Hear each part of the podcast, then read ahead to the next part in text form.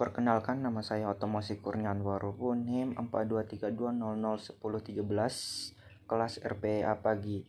Di sini saya akan memberikan tiga, tiga contoh studi kasus yang menggambarkan benturan nilai hukum yang sering terjadi di masyarakat Indonesia dan menemukan solusi kasus tersebut dengan kaidah Gustav.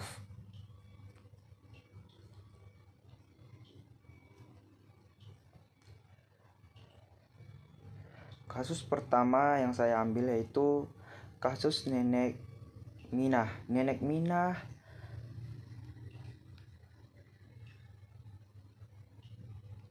namanya disebut nenek Minah ialah narasi rupa buruk penegakan hukum di negeri ini.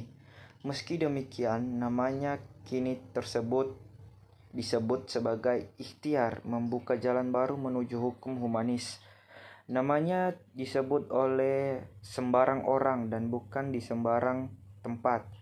Namanya disebut calon Kapolri Komjen Listio Listio Sigit Prabowo di tempat terhormat yaitu ruang sidang Komisi 3 DPR.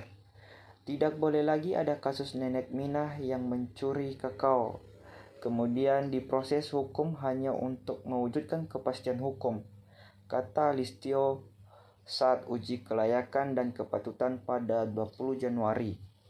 Nenek Mina difonis satu bulan 15 hari dengan masa percobaan selama tiga bulan oleh Pengadilan Negeri Purwokerto pada 19 November 2019.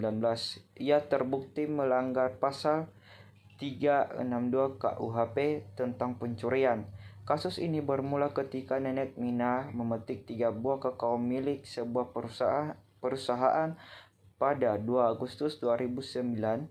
Kakao dipetik untuk disemai sebagai bibit di tanah garapannya. Perbuatannya diketahui mandor perusahaan. Nenek Mina pun meminta maaf dan menyerahkan kakao yang dipetiknya kepada mandor itu. Buntut petik tiga buah kakao senilai 30.000 itu menjadi panjang. Polisi memproses nenek Minah sebagai pencuri sampai akhirnya duduk sebagai terdakwa kemudian difonis bersalah. Menurut kaidah Gustav, tidak ada keadilan dalam kasus ini. Bagaimana bisa dengan nilai Rp30.000 berujung pengadilan? Padahal MA sudah memutuskan untuk nilai kurang dari 2.500 rupiah tidak usah masuk pengadilan. Kasus kedua yaitu ibu mencuri sawit. Kasus yang dialami RMS 31 Seorang ibu di Riau ia mencuri tandan buah sawit milik sebuah perusahaan negara senilai Rp75.000 pada 30 Mei 2020 kepada polisi RMS mengaku terpaksa mencuri tandan buah sawit untuk membeli beras sebab beras untuk makan tiga anaknya yang masih kecil sudah habis.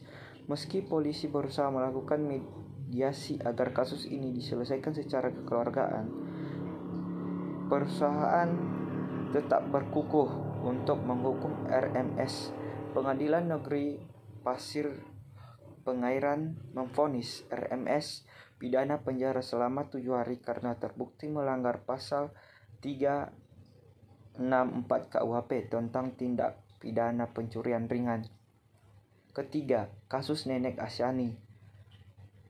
Panggung hukum kembali riuh seiring mencuatnya parodi kasus remeh re, remeh temeh di pengadilan Lokanya. Seorang nenek ringkih berusia senja bernama Asani. Ia saat ini sedang duduk di kursi pesakitan karena terdakwa mencuri kayu jati dari kawasan hutan produksi pada 7 Juli 2014. Nenek Asani dicerat pasal 12 Junto pasal 83 ayat 1 Undang-Undang Pencegahan dan Pemberantasan Perusakan Hutan dengan ancaman 5 tahun penjara Asani ber berdalih kayu itu miliknya yang diperoleh dari lahan sendiri di Dusun Sencangan, Situbondo. Kasus Nenek Asani telah menyita perhatian publik, tak terkecuali para elit negeri ini, Menteri Lingkungan Hidup dan Kehutanan Siti Nurbaya. Bahkan secara kasus meminta penahanan Nenek Asani yang hampir tiga bulan di Bui dapat ditangguhkan. Bahkan kasus tersebut mulai dijadikan komoditas politik menjelang sukses pemilihan kepala daerah Situbondo 2015. Sebelum majelis hakim mengabulkan permohonan penangguhan penahanan melalui putusan sela yang dibacakan Senin 16 per 3 di Pengadilan Negeri Situbondo, para politikus mengumbar simpati dan menyatakan bersedia sebagai penjamin Nenek Asani Memang rakyat kecil dicap dijadikan alat legitimasi dan permainan politik. Elit kurang peduli pada sub substansi dan advokasi persoalan hukum yang dihadapi masyarakat bawah. Mereka lebih tertarik pada kemasan dan menjadikannya sebagai isu politik yang seksi untuk mendulang dukungan. Sekian dan terima kasih.